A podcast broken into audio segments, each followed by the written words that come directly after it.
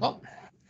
Då, mina damer och herrar, tar vi och säger hej och hjärtligt välkomna till ett nytt avsnitt av Svenska fans NHL-podd. Mitt namn är Sebastian Norén, med mig som vanligt Niklas Wiberg och Robin Fredriksson. Nu är det drygt tre veckor kvar innan säsongen sätter igång. Vi har träningsläger som kommer starta i slutet av denna veckan. Och vi har en hel del nya kontrakt att gå igenom. Och så är det även dags att sätta igång våra previews. Först ut är Central Division. Som baseras på hur redaktionen har rankat lagen. Är vi taggade eller? Ja, det börjar man bli. Ja, gud vilken respons. Herregud. ah, fan. Jag satt och läste något annat, sorry. Ja, det är, nej, det är bedrövligt båda två. Vi hoppar rätt in i nyheterna. Ett kontrakt som jag vet att Niklas är eh, glad över kanske. Det är Zach Wierenski som skrev på en treårsförlängning med Columbus. Cap-hitten landar på 5 miljoner dollar. Hur påverkar då detta Ivan Provorov? är ju din största fundering såklart. Den enda funderingen. Ja. Um, till att börja med så tycker jag ju att det här är ett konstigt kontrakt. Det är lite ovanligt nu. Vi har ju sett flera av de här yngre spelarna komma in och bara ge mig sju, sju, åtta år direkt. Tvärtom har det väl börjat bli nu. Ja, jag tänkte säga man börjar ju se lite tendenser till att eh, de tar de korta kontrakten. Och vill Men... ha ett högt qualifying offer i slutet. Ja, och... Eh, det är det han får, det är ju på sju mille sista året. Ja. Exakt, det får han. Men man, jag tycker ändå liksom att fem är rätt lågt ändå. Att han tar tre år. För det, det, det, har jag skrivit upp som en punkt senare, men man kan fan lika gärna ta det nu direkt. Men jag tror det var The Bobfather som jag konstaterat tidigare, hastigt och lustigt är han tillbaka på jobbet och hastigt och lustigt får vi massa rykten igen. Men han skrev ju någonting om att eh, det kanske blir mindre vanligt med de här maxkontrakten eller upp mot maxkontrakt då det amerikanska tv-avtalet och hela den här eh, gambling eh, tjofräset som de har tillåtit numera kan ge ett, eh, ja, en helt annan ekonomisk verklighet om några år. Vilket då innebär att ja, ännu större pengar i ligan och ännu högre lönetak. Liksom. Och ännu större löner såklart. Och därför kanske man väljer att signa lite kortare. Och vi har ju sett också att vissa sådana här storspelare som ja, de kanske signar så att de inte binder upp sig på så, något eller så värst många UFA-år också. Och det börjar ju redan ryktas liksom att eh, Matthews vill till en amerikansk marknad så fort han blir UFA. Ja, han ska ju hem till Arizona. um, så man har ju sett lite sådana här tendenser, tvärt emot vad du sa tycker jag. Att, eh, att det blir lite kortare kontrakt här och där. Men jag tycker ändå att 5 miljoner känns i lägsta laget. Liksom. Alltså det är ju bra value för Columbus att få honom på den pengen. Sen kanske han inte har, han har haft lite skadproblem och skit så han har väl inte blommat ut helt. Jag såg att det var någon av statssnubbarna ja, som... har vi på statsgrejer här nu på honom som ändå stack ut med, ja det var han Micah, Ineffective Math, eh, som eh, gick ut och sa att eh, Renski är ganska överskattad. Att han liksom är ganska svag 5 mot 5 eh, defensivt och han hade ju levt ganska hårt på att ha spelat eh, många minuter med poäng. Spelare som driver scoring så att säga och så vi, vi får se vad han, eh, vart han står nu med lite, lite på egna ben då. Eh, alltså han kommer ju fortfarande lira med Seth Jones. Jag menar har de två tillsammans för 10,4 miljoner i tre år. Ja, eh, men eh, samtidigt så har ju... Jag, jag undrar om ett långt kontrakt var off the table från Sacks sida eller om det var... För man har ju råd att gå den långa vägen. Tycker jag. Mm. Ja, Ja, alltså framförallt så kändes det ju som att Columbus ville ha någonting gjort innan training campen satte igång. Um, ja, så då kanske, man, liksom. då, kanske man, då kanske man vek ner sig lite på termen. Ja. Man kanske egentligen vill ha honom på, på 5-6. Det som är lite intressant är väl att eh, de här Evolving Wilds eh, projections hade ju att han skulle få lite mer än det här. Och tendensen, vad det känns som i alla fall, är ju att det kanske snarare har varit så att spelare har fått lite mer än vad de projektade på grund av anledningar. Liksom. Ja. Så det är ju lite anmärkningsvärt. Alltså det, jag tycker det är, det är en bra deal för Columbus, det tycker jag. Sen visst att det bara är tre år. Men bakom de två så ser det inte jättesexigt ut. Väldigt lite som ser sexigt ut med Columbus om man ska vara ärlig. Uh, och det är väl en anledning till att man inte väljer att signa long term med dem också, kan man kanske tänka sig. Jo. Mycket, mycket möjligt. Men hur påverkar detta då Provorov? Pro, påverkar Provorov överhuvudtaget? Ja, man ska väl ställa in McAvoy där också. Ja. Uh, utan det, det är ju de tre som är de tre stora backarna på, på RFA-marknaden då. Där det kanske framförallt är då Varensky och Provorov som är jämförbara. Eh, hans agent hade varit ute och snackat att eh, efter att det här hände så var man liksom, ja ja, vi är närmare varandra nu än vad vi var för några veckor sedan. Men det kan också vara för att man har förhandlat mer nu. Mm. eh, det kom också något snack om att eh, ja, det kan påverka, men det verkar mer sannolikt att det blir ett lite längre kontrakt för Provorov, typ sex år eller någonting. Och kanske lite dyrare. Men om det här innebär att, att kontraktet går ner till 6 miljoner istället för liksom 7-ish så är bara det positivt. Helt klart. För det, alltså comparables, det funkar ju på det sättet i ligan. Jo, ja. Sen tror, jag, sen tror jag det finns olika uppfattningar om hur relevant och hur utbrett det är. Men det funkar ju så. Ja, det är klart att båda sidor tar fram exempel på lagen tar fram någon som får betalt lite mindre. Agenten tar fram någon som får betalt lite mer, det är klart. Mm. Det känns ju helt undergivet. Så ja, vi får se hur detta påverkar Provorov-förhandlingen i alla fall och även McAvoy då.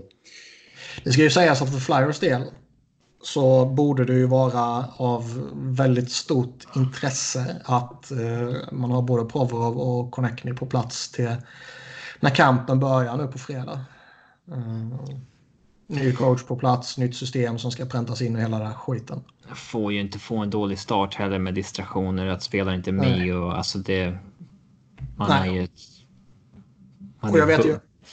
Jag vet, jag har sagt tidigare att i och för sig, det kanske var på Flyers-podden i och för sig, men jag förutsätter att alla lyssnar på den också. Oh ja. I, I synnerhet ni två. Mm. Eh, men jag sa någonting kanske att eh, jag kan absolut se ett läge där Flyers, om det här drar ut på, på tiden, liksom viker ner sig och ger ett lite, ja, lite mer än vad man kanske egentligen vill ge honom. Bara för att eh, man vill inte ha den här dåliga starten igen. Som man har haft de senaste åren. Sen om det innebär att man viker ner sig inför training camp eller man viker ner sig inför game one. Det, det är väl två olika saker såklart. Men ja. Äh, ja, nej. De borde fan vara på plats på fredag. Och Fletcher sa ju någonting också om att uh, han ska prata med båda agenterna idag och idag blir uh, förmodligen väldigt avgörande för om man kunde, kommer kunna ha någonting på plats till fredag eller inte. Ja. Vi kliver till LA. Där har man förlängt med två spelare. Jack Campbell fick en eh, tvåårsförlängning som kickar in nästa säsong. 1,65 miljoner cap hit. Och sen skrev man även ett nytt kontrakt med Adrian Kempe. Tre år, 2 miljoner cap hit. Campbell är ju mest man kan exposa honom i expansion draften. Campbell är ju för övrigt en spelare jag aldrig någonsin skrivit, skulle skriva upp i ett körschema om det inte är för att Sebbe är LA-supporter. Ja, kan man ju säga till lyssnarna. Men det är väl deras andra målvakt helt enkelt. Ja. Det är inte så, ja. mer, inte så konstigt. Um, de får ju närmare, de får ju oftast över en, en och en halv nu för tiden. Mm. Eh, Kempe, Kempe 3 miljoner eller 3 år 2 miljoner. Ett, får väl ta ett halvdåligt kontrakt i och med att han hade en rätt svag fjolårssäsong. Eh, från att ha gjort lite fler poäng året innan. Eh, hade han haft en liknande säsong igen med liksom kring 40 poäng då hade han kanske kunnat få till ett bra mycket större kontrakt men eh, Alltså, nu vet man inte vem som har bett om vad, men det är lite fegt och safe att ta de här tre åren på två mil. Alltså istället för att ja, jag ta, säga det. ta ett år på två mil och försöka bygga sig ett case för ett fetare kontrakt. Och han borde ju inte vara i risk. Alltså man, man kan ju alltid tänka lite så här. Liksom, ja, tar jag bara ett år och sen jag gör dålig, jag blir skadad och sen har jag bränt mina chanser med LA. Så får jag vända tillbaka till, till Europa eller härva i AHL för att komma tillbaka eller hitta ett annat lag eller någonting. Liksom. Eh, men han borde ju inte vara i den riskzonen. Nej, han borde fortfarande inte. ha ett NHL-jobb kommande säsong. Eh, för så jävla hårt borde han inte kunna krascha, även om han har en dålig säsong. Mm. Så jag håller med. Lite fegt att ta två år kan jag tycka. Sen är det väl liksom att... Tre år? Tre år? Ja, förlåt. Tre menar jag. Um, Alltså det här känns Sen är det sju... som vanligt när man kommer och skakar med sedelbuntarna framför en ung spelare som bor i Los Angeles. Ja, alltså det känns ju inte direkt som att det är någon... Det är ingen direkt risk på det här kontraktet utan du har bara potential high reward liksom. Han ja. är ändå, de projektar ju ändå så att han ska kunna gå in och bli en solid andra center. Och blir han det på två miljoner. Och även om det kanske dröjer ett år till innan han är uppe på den nivån så jag menar, ha, ha en solid andra center för två miljoner i två år. Det är betyder inte ett jävla skit eftersom man ändå kommer vara skitdåliga. Ja. Men i sak, ja. Ja. jo. Nej, det är ju som sagt vinn draftlotteriet bara. Uh. Holzlotteriet? Ja. Nej, det blir la Lafrine. Hans jävla efter. Lafrine. Lafrine. Lafrine. Ja. ja. Vi kan lära oss Men... om draften kommer. Ja, Alexis kan vi säga. Ja, kan vi också. Vi fick ett riktigt saftigt kontrakt i Arizona. Clayton Keller. Åtta års förlängning. 7,15 miljoner capita där. Sätter ju en hel del press på honom kan man ju lugnt säga. Men det visar ju också att Arizona äntligen har lite pengar. Börjar gälla något år ska sägas också. Ja, Ja, det är väldigt... Sista uh, året på entry level-kontraktet. Det är väldigt modigt av Arizona alltså. En kille som gjorde 47 poäng i fjol. Uh, och visst, det... Ja, men var inte det en klassisk sophomore slump? Var det inte det? Kanske det, men jag spelar som liksom eh, vi inte har sett kan driva spelet liksom så. Men det är en. Han kanske bara förblir en liksom flashig 50-60 poängspelare. Uh, men alltså 7 miljoner de sista fyra åren på kontraktet. Det kommer ju förmodligen vara andra centerpengar då. Alltså det. Du, du signar i alla fall ett kontrakt där du vet att spelaren kommer bli bättre och att procenten på capen kommer ju liksom sjunka under hela kontraktets gång. Så det, det är väl svårt att se att det blir ett dåligt kontrakt, men ändå lite riskfyllt så här hosta upp 60 millar till en spelare som haft två säsonger varav en sophomore där. Jo, det är klart. Men Scheiter har ju varit modig med att skriva de här feta kontrakten. Han har ju betalat ju Nick Schmals väldigt tidigt. Christian mm. Dvorak extremt tidigt. Eh, och ja, Oliver Ekman Larsson fick ett enormt kontrakt här. Eh, men Jacob Chekren fick ju också ett fett kontrakt tidigt. Mm. Jo, men det är, alltså, det är ju den kåren han vill ha på plats där och liksom visa också att de de draftar spelare, de utvecklar spelare och liksom lyckas du så får du liksom betalt i klubben också. Så det är... Man, visst, man vill, vill, de har inte earned it. De får ju det tidigt. Ja, de får det ganska tidigt. Jag menar Keller, man vill inte hamna i den situationen som Winnipeg och de andra i denna sommar med Keller nästa sommar. Även fast jag tror att hans... Jag tror inte att hans värde hade ökat så jävla mycket även om han går in och gör 70 pinnar i år liksom. Men nu måste ju golvet ligga där runt 65 pinnar där han var första säsongen. Ja, absolut. Skulle han ha en till säsong på 40 poäng då ser det ju Mm. jätte läskigt ut. Ja.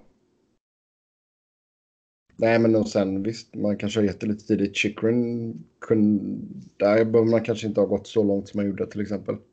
Dvorak är ju den stora risktagningen. Alltså han går in på kontraktet i år och gjorde 20 matcher, två mål i fjol. Mm. Eh, jag nu Men han, han har varit modig. Shaika signat tidigt och gör ju samma sak här. Ja, jo, men då, jag menar, detta kommer ju definiera hans tenure som GM i klubben också liksom. Ja, närmsta decenniet. Ja. Hur, hur det går med de här spelarna. Så det är absolut intressant. Men som sagt, även nu när man har fått in en ordentlig ägare så visar man att man kan splasha lite pengar. Så ja, vi får se om det slår väl ut för Keller. Edmonton signat ett ettårskontrakt med Riley Sheehan. Ett år 900 000. Fruktansvärt osexigt. Ja, men det är med på schemat ändå. Ehm, Ja, en jävla sopa som skrev schemat. jag vet inte hur mycket vi, kan säga om honom. Hur mycket vi vill säga om honom. Alltså det kom väl snack, eh, om, om det var förra eller förrförra eh, veckan minns jag inte, att de var nära fan var det, som, Derek Brassard som signade i Islanders istället. Mm. Så det känns väl som att de kanske fick nobben av honom och nöjde sig med den här stollen istället. Snackades det inte om ett så här first round pick när han skulle tradas från Detroit första gångerna? Gjorde Så det blev- säkert för blev det inte så, utan det- snackas det väl kring alla. Nej, men vad fan kan du få? eh, Jag menar, allt över typ 25 pinnar här så är det ju värt det liksom. 900 000 är inga pengar. Det kan man gott chansa på. Han kanske kan vara vettig för dem i en fjärde kedja eller någonting. Sen Jumbo Joe fortsätter ett år till. Kritar på en ettårsförlängning med San Jose. 2 miljoner capita den här gången. Ja, nej, det, alltså man gick ju bara och väntade på att han skulle få sitt kontrakt ju. Och eh, att det inte skulle bli välbetalt förstod man ju också med tanke på deras kappsituation. Eh,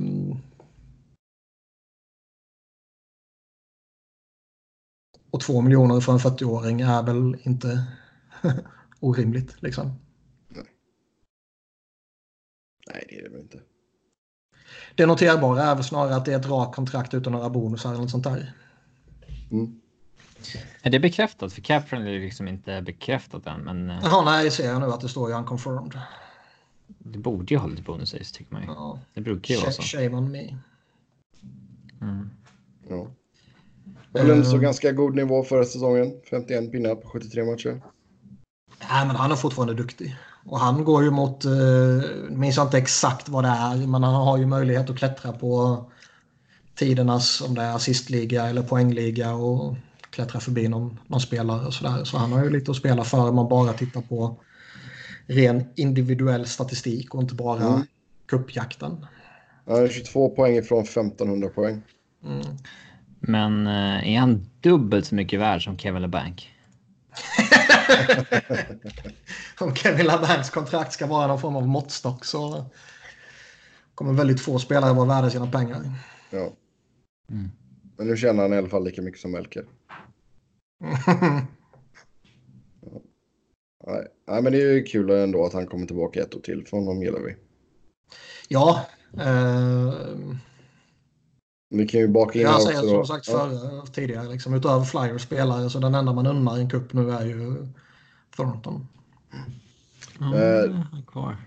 Lite i samma veva där då. Eh, Doug Wilson gick ut och sa att det inte blir någon Patrick Melö-återkomst i San Jose. Han är inte så sentimental Wilson. Nej. Passar inte så hasta la vista. Ja. Men Marlö säger så att han vill fortsätta spela. Ja, då får man ju se vart han hamnar nu. Det Det vore, var ju, ju...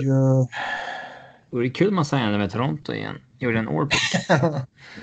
um, fan vad det jag läste. Var det Edmonton som hade visat intresse? Så lågt kan det inte sjunka. Och nej, han var inte intresserad. Jag har mig det var så. Men fan, nu blir jag osäker bara för det. Jag säger att det är så. Men där borde ju Shaika eh, plocka upp telefonen. Ja. Det är väl skönt att få in en Marlö. Den har nog funkat bra tror jag. Just Chaika? Ja. Ja, visst, men Alltså, jag tror varför just Marlon... dem? Jag tror faktiskt att han, han är fortfarande en okej spelare givetvis. Men jag tror faktiskt att hans största tillgång numera är att sätta in honom som någon form av pappa. Liksom. För där var han ju sjukt uppskattad i Toronto där han uh, tog hand om alla kidsen som kom fram. Eh,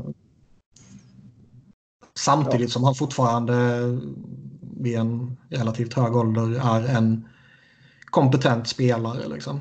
Men jag tror ändå att den största tillgången är att man kan peta in honom i ett omklädningsrum med unga spelare och få någon som lär dem hur man för sig i ligan. Liksom. Ja. Och visst är Arizona ett, om man bara tänker ur den aspekten, så är Arizona ett lämpligt alternativ i så fall. Ja. Även om de Exakt. inte är så unga som... Nej, de är visst till. de är inte så unga, men eh, ja, inte så etablerade kanske är ett bättre ord. Då. Nej.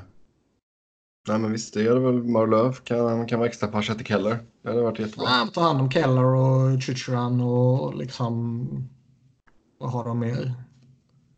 Schmaltz och Dvorak och de här som ändå är några år, ja, och som ändå är eh, några år över 20 i och för sig, men som fortfarande liksom stapplar lite i början på sina NHL-karriärer. Ja. Sen eh, sista kontraktet här, Jake Gardner. Till slut så blev han signad. Fyra år blev det. Fyra miljoner i Carolina. Det måste ju kännas underligt för Toronto att han liksom signar. Jag tror inte att den här delen låg on the table när det var snack i, ja, i, i juli då. Mm. Han signar ju liksom billigare än KDCC. Sägs ju att han ska ha haft ett treårskontrakt från Montreal med en liten högre AAV.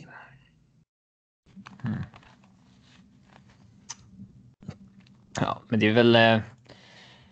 Alltså, det var ju lite musical shares problematik här att det var inte så många lag kvar som och så sjönk ju hans värde. Det är aldrig bra att vänta alltså. Du ska ju Mm. signa första juli när alla GMs är on drugs så att säga. Eh, och eh, alltså Carolina gör ju som man själv hade gjort om man spelar tv-spel. Liksom man har fyra topp fyra backar, men man ser att en är på free agency och man kan signa honom rimligt. Det gör man det och sen så kan man trada en annan och få in någon första rundsval eller någonting.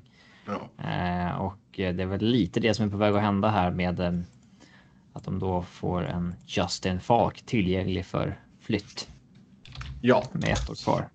Yes. Och ett av lagen som har nämnts där är ju Anaheim. Det verkar ju till och med som att det är eh, så pass långt gånget att eh, ja, de är överens och han bara ska wava sin klausul. Okej. Alltså man ser, där finns ju ens ett behov så det känns ganska logiskt. Ja, Ja, alltså grejen är att det, det snackas ju också om att eh, i sam... Anaheim står ju på hans no trade-lista då liksom. Och i samband med att de nu förhandlar för att han ska wava det där så är det ju också så att eh, man pratar kontraktsförlängning. Mm. Eh, och den kan ju bli... Alltså jag, jag tycker går man tillbaka några år så tyckte jag folk nästan var lite sådär underskattad och nästan lite... Liksom i, i, innan Keynes blev relevanta nu igen så var det liksom kanske en hemlighet vad han gjorde där. Men eh, nu har han ju börjat dippa av lite smått känns det som. Ja. Och beroende på vad det är för kontrakt som ligger på bordet så kan ju det här vara eh, högst suspekt. ja, det är bra att flytta honom innan det dåliga kontraktet ska signas så att säga. Ja, De agerar ju som liksom en av få väldigt kloka organisationer. Eh, ja. just nu. Och det trodde man André- fan aldrig man skulle säga om Eh. Don Waddell-lett lag. Och André Kasi som liksom nämns som den som kanske går i return. Det känns ju som en typisk Carolina forward också. Så, Han gillar jag. Han är duktig. Best stat darling liksom. Och, ja. Mm. Det blir intressant för det. Sen eh, Montreal kommer inte att signa Andrei Markov. Var förresten... Eh, Mm. Har de ligans bästa backbesättning nu?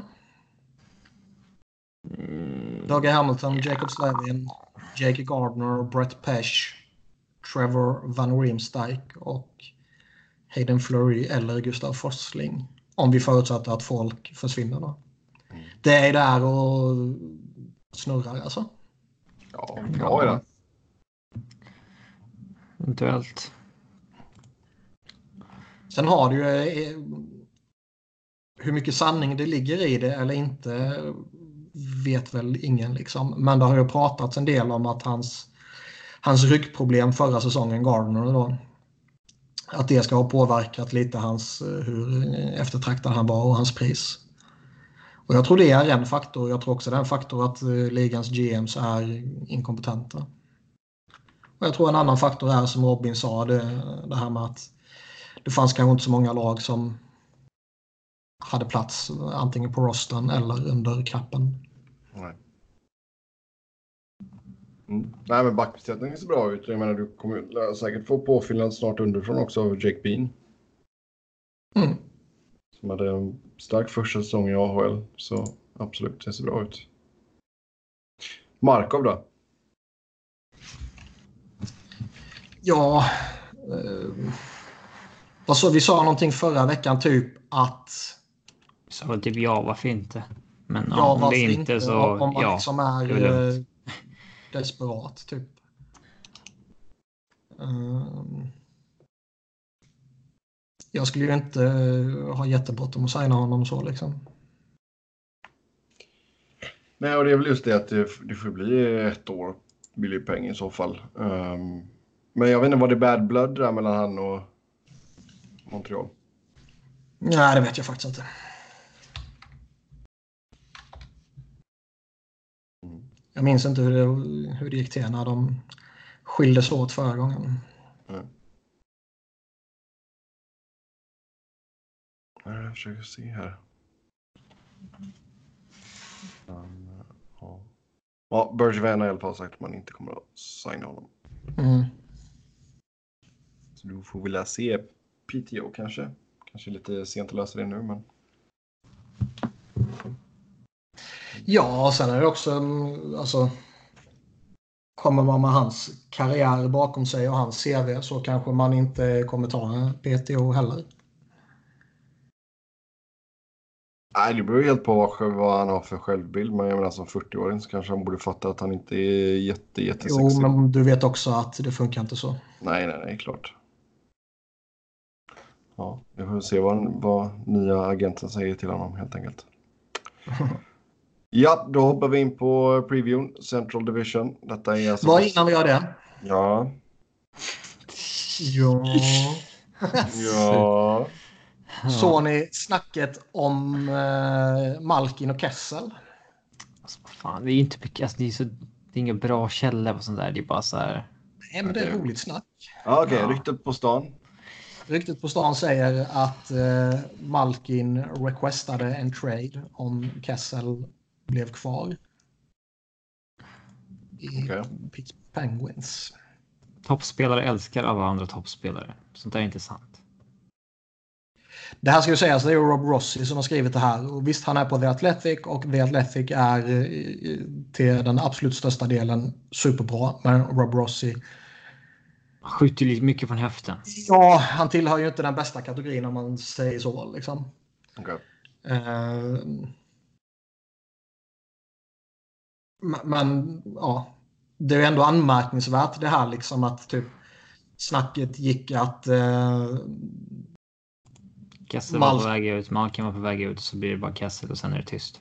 ja, men liksom snacket som gick eller som går här då, enligt den här texten är ju att eh, ja, det funkade inte riktigt liksom. Eh, Malkin hade fått för sig att Kessel var nöjd med sina två titlar och var bara intresserad av sin egen statistik numera. Och om Kessel skulle fortsätta vara hans winger så var Malkin orolig över att han skulle få samma stämpel på sig. Liksom. Och jag vet inte, det känns... Å ena sidan tror jag absolut det är någonting som kan vara en faktor på hos stora egon liksom. Men det känns samtidigt lite lustigt. Ja, alltså. Ja, det känns lite konstigt. Men all skit som slängs på Pittsburgh är positivt och måste tas upp. Mm. För det är ju verkligen skit om en starplayer säger att jag kommer kräva trade om en annan starplayer är kvar. Ja, det är klart det är. Det är klart det är. Vill du försöka få Malkins plus minus till någonting nu också? Eller han var minus 25 förra säsongen. Ja, ja. Är... Ibland Bästa statistiken i hela världen. Ja. Ja, herregud. Um... Nej, vi får se. Men alltså, Malkin har sagt själv att han kände att han hade lite dåligt år. Mm. Så vi får la se om han kan studsa tillbaka nu utan Kessel. De har ju fortfarande några vettiga spelare där och han är ju givetvis en utomordentligt fin spelare fortfarande också. Ja. Ja, ja då tar vi och hoppar in på Central. Detta, baser detta baseras som sagt på redaktionens rankning. Um, vi börjar i botten. Där hittar vi Minnesota på sjunde plats. Så... Oh, ingen är förvånad. Nej, inte direkt va? Nej, nej, när det kommer liksom. Nej, för fan. Jag tror absolut att. Eh, alltså det är som vi har sagt tidigare. Den här divisionen kommer vara förmodligen den tuffaste liksom. Mm. Och. Jag tror, jag tror inte Minnesota kommer bli någon slagpåse sådär liksom. Eh, jag tycker fortfarande att de har pusselbitar som liksom, de kan absolut bli ett slutspelslag. Om de får ett, ett sånt där överjävligt målvaktsspel från Devon Dubnik som typ bara han kan leverera. Liksom. Ehm. Och sen har de en jävla bra topp tre på backsidan. De har några, några core-bitar bland forwardsbesättningen som kommer göra sitt. Liksom. Om allting bara faller rätt så kan det absolut bli bra. Det tror jag. Men med tanke på att den här divisionen är vad den är så det känns som att det kommer bli för mycket bara. Liksom. Mm. Ja, eh, ny GM Bill Guerin. Vad, vad tror du han har fått för direktiv här? Det är väl egentligen bara att fortsätta försöka gå för slutspelare. Alltså de måste ju försöka vinna. Eh, det är det de har byggt för. Och jag tror att det är det ägarna har varit intresserade av också. Ja. Det är det som... Uh, det, det var därför Bill Gowan och inte Ron Hextall fick jobbet. Ja, men det är väl också rätt naturligt, alltså på ett sätt. Uh, ja, om man sagt Paris är 35 ja. och Surt 34 och Zuccarello 32. Man valde behålla Erik Stahl, skriva nytt som är 34. Man har sista året med Mikko Koivu 36. Uh, man har Devon Dubnek 33 på två år. Alltså det... Jo. Nej, jag säger inte det fel. Uh... Jo, det är ju fel. Men... Uh... Jo, jo, jo, det är fel. Eh, jag säger inte att det är fel i, i relation till var man faktiskt befinner sig. Mm. För jag, jag, tycker ju inte att man kan, med tanke på vilket läge de befinner sig i, vilka spelare de har tillgängliga, vilka kontrakt de spelarna sitter på, så kan man inte göra en rebuild nu. Liksom, även om det är det rätta. Mm. Ja. ja, jag menar, du inte, det är ju inte så att du var aslångt ifrån en slutspelsplats förra året. Det är sju poäng bakom Colorado. Sen känns det bara som att de lagen som är framför de har blivit lite bättre, kanske undantag St. Louis. Um, Ja, nej, men sen får man inte glömma heller att Mikko Koivu är tillbaka nu efter skada och Matte Dumba inte minst är tillbaka efter sin skada. Minnesota rasade ju när han försvann förra säsongen. Mm. Och då har de liksom Suder, Dumba och Spurgeon som är tre genuint jätteduktiga backar. Och typ Brodin fortfarande bra liksom. Mm. Um, Men visst, Jag- målvakts, målvaktsspelet behövs ju från Dubnyks sida, absolut. Ja, skulle det inte bara varit sex andra, eller i alla fall fem andra överjävliga lag så eh, skulle man ju kunna ge lite sådär liksom skrällvarning på dem. Mm. Men det tror jag eh, lite långsökt nu ändå. Ja, det känns lite så faktiskt. Sen är frågan hur, mycket, hur mycket måste Bill Guerin reparera inom organisationen? Eller löser sig allting bara för att den stygga chefen fick sparken? Kanske. Alltså det var väl han som desperat vill bli av med Jason Zucker liksom. Ja, och han ville ju... Eh, om det var en eller två gånger kommer jag inte ihåg. Men han ville ju sparka Bruce Boudreau liksom.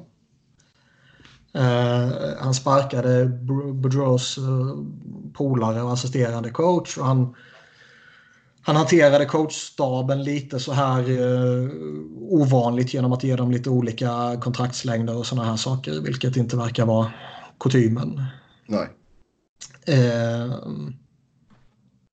Och sen det med Zucker och förmodligen lite annat och lite annat på kontoret som inte påverkar då spelarna kanske men som ändå påverkar organisationen. Så jag menar, ja, allting kanske löser sig bara för att den stygga jävlen är borta. Eller kanske Bulgarian har ett jättejobb framför sig.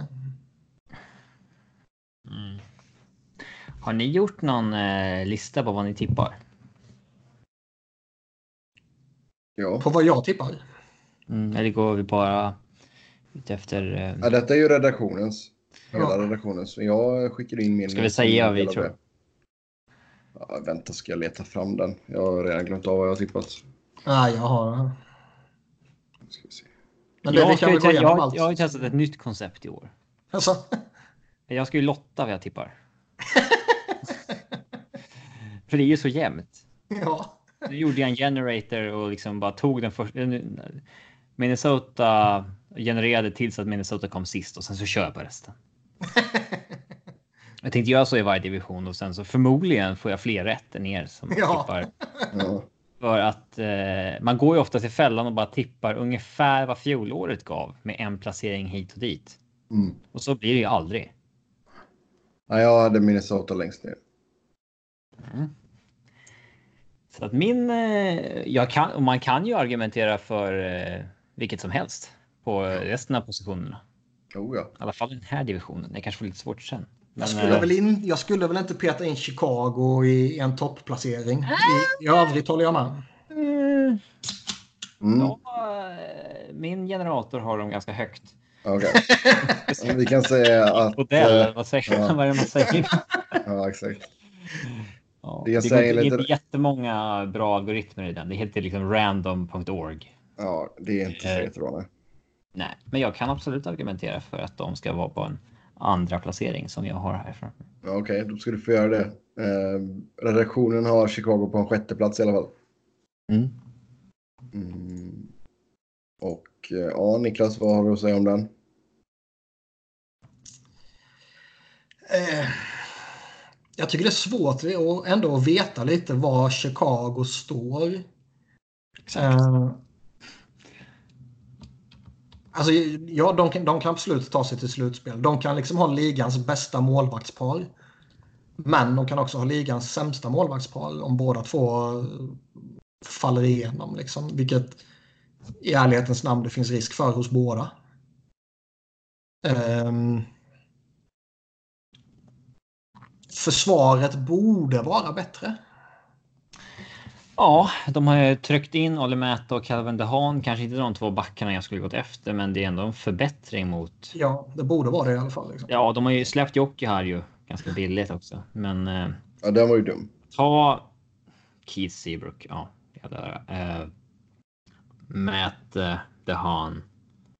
Erik Gustafsson, Connor Murphy. Alltså det, det borde ändå bli en hyggligt bra sexa liksom om man fördelar istiden någorlunda rimligt. Mm. Eh, Så där, den positionen känns ju starkare än i fjol. Och, alltså både Taves och Kane hade väl, eh, kanske inte Kane, de hade väl career years i, i fjol. Jag tror båda hade det. Toews hade det definitivt ju. Toews hade det. Uh, vilket är sjukt att det inte pratas mer om det med tanke på hur jävla överhypad han var tidigare i sin karriär. Det är nu han har pikat. Mm. Eh, Uh, men sen är, det liksom, är det... Visst, man har ju sett någon sån där veteran här, liksom... Claude Giroux studsa tillbaka liksom. Ja. Uh, Toews kan absolut göra det. För man har ju sett liksom, statistiken tidigare år har ju pekat neråt för honom. Um, är det en revival, eller vad man ska kalla det? Eller är det liksom sista dödsrycket? Eller är han en produkt av Patrick Kane? Eller någon kombination?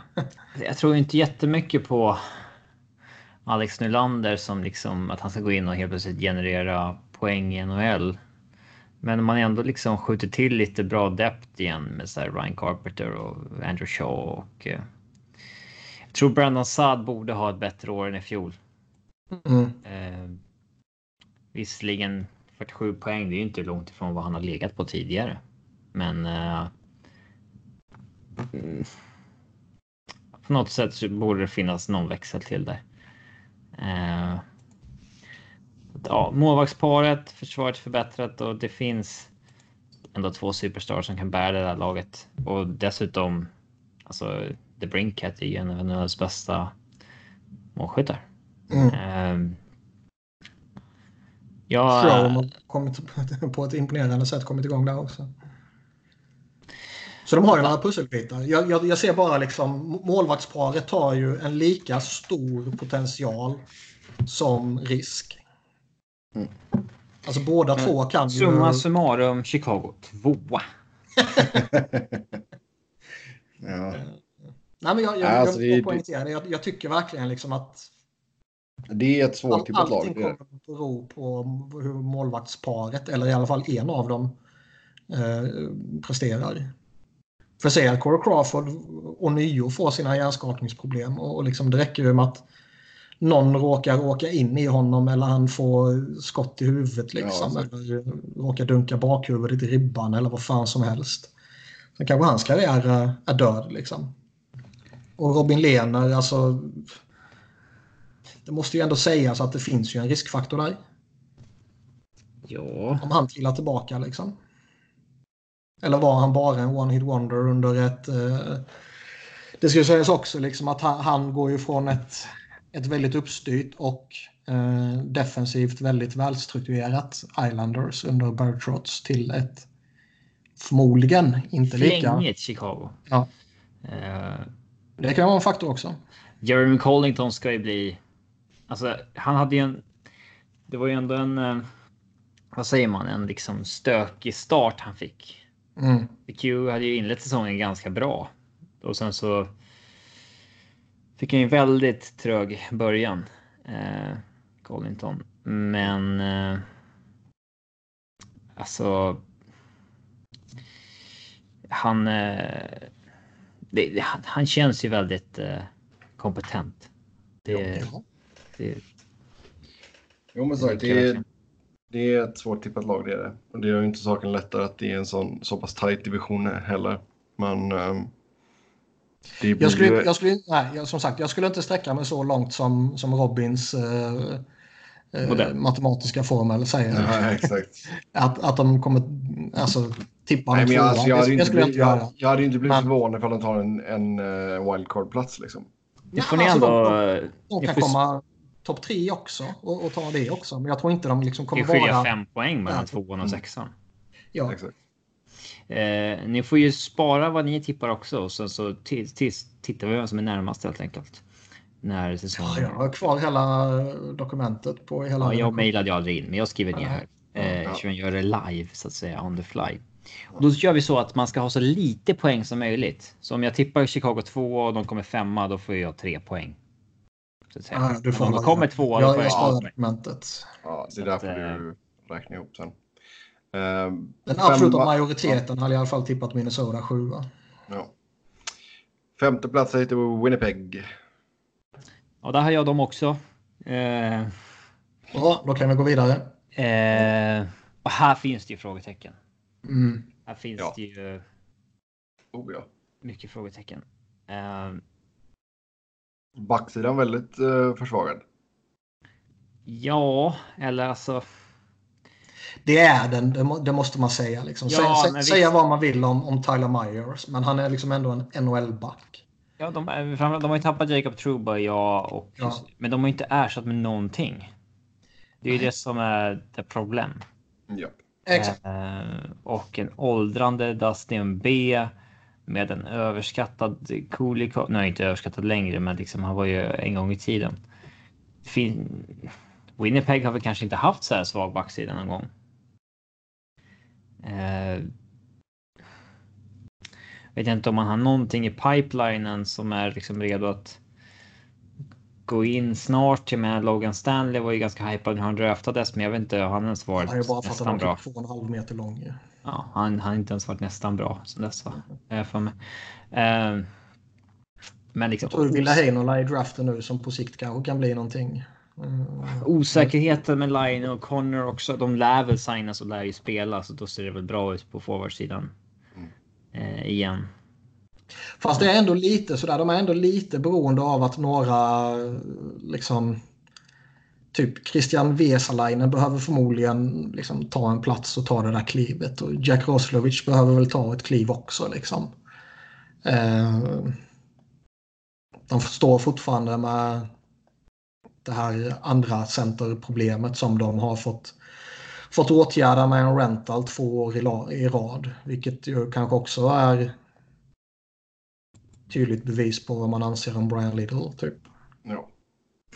Connor Helleback borde ju dock vara i, uh, ja, i fas för en bounceback year. Ja, i grunden är det en duktig målvakt. Mm. Ja, han hade svag 16-17, bra 17-18, svag 18-19. Borde då komma ett bra 19-20. Mm. Varann, varannat år är en bra, varannat år är en mindre bra. Ja, nya Craig Anderson kanske. Mm. Så han är vartannat år jättedålig, varannat år jättebra. Så den, eh, han är extrem. Ja. ja, vi får se. Men det är som sagt fortfarande två stora frågetecken med Line och Connor som inte är signade i eh, skrivande stund tänkte jag säga, men i inspelande stund. Mm. En lyssnarfråga om deras fönster. Mm.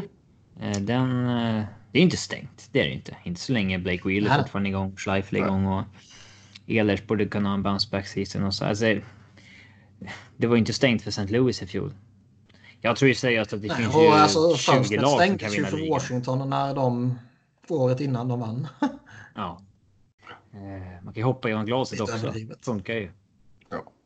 Nej, så ert fönster är inte över. Uh, vi fick in en till lyssnarfråga här. Hur hårt har ni gått efter Line som inte verkar supertaggad på att stanna i Winnipeg? Inte så hårt. Tror jag. alltså, det är som, som Niklas sagt, alltså, det är en av de mest unika spelarna i hela ligan.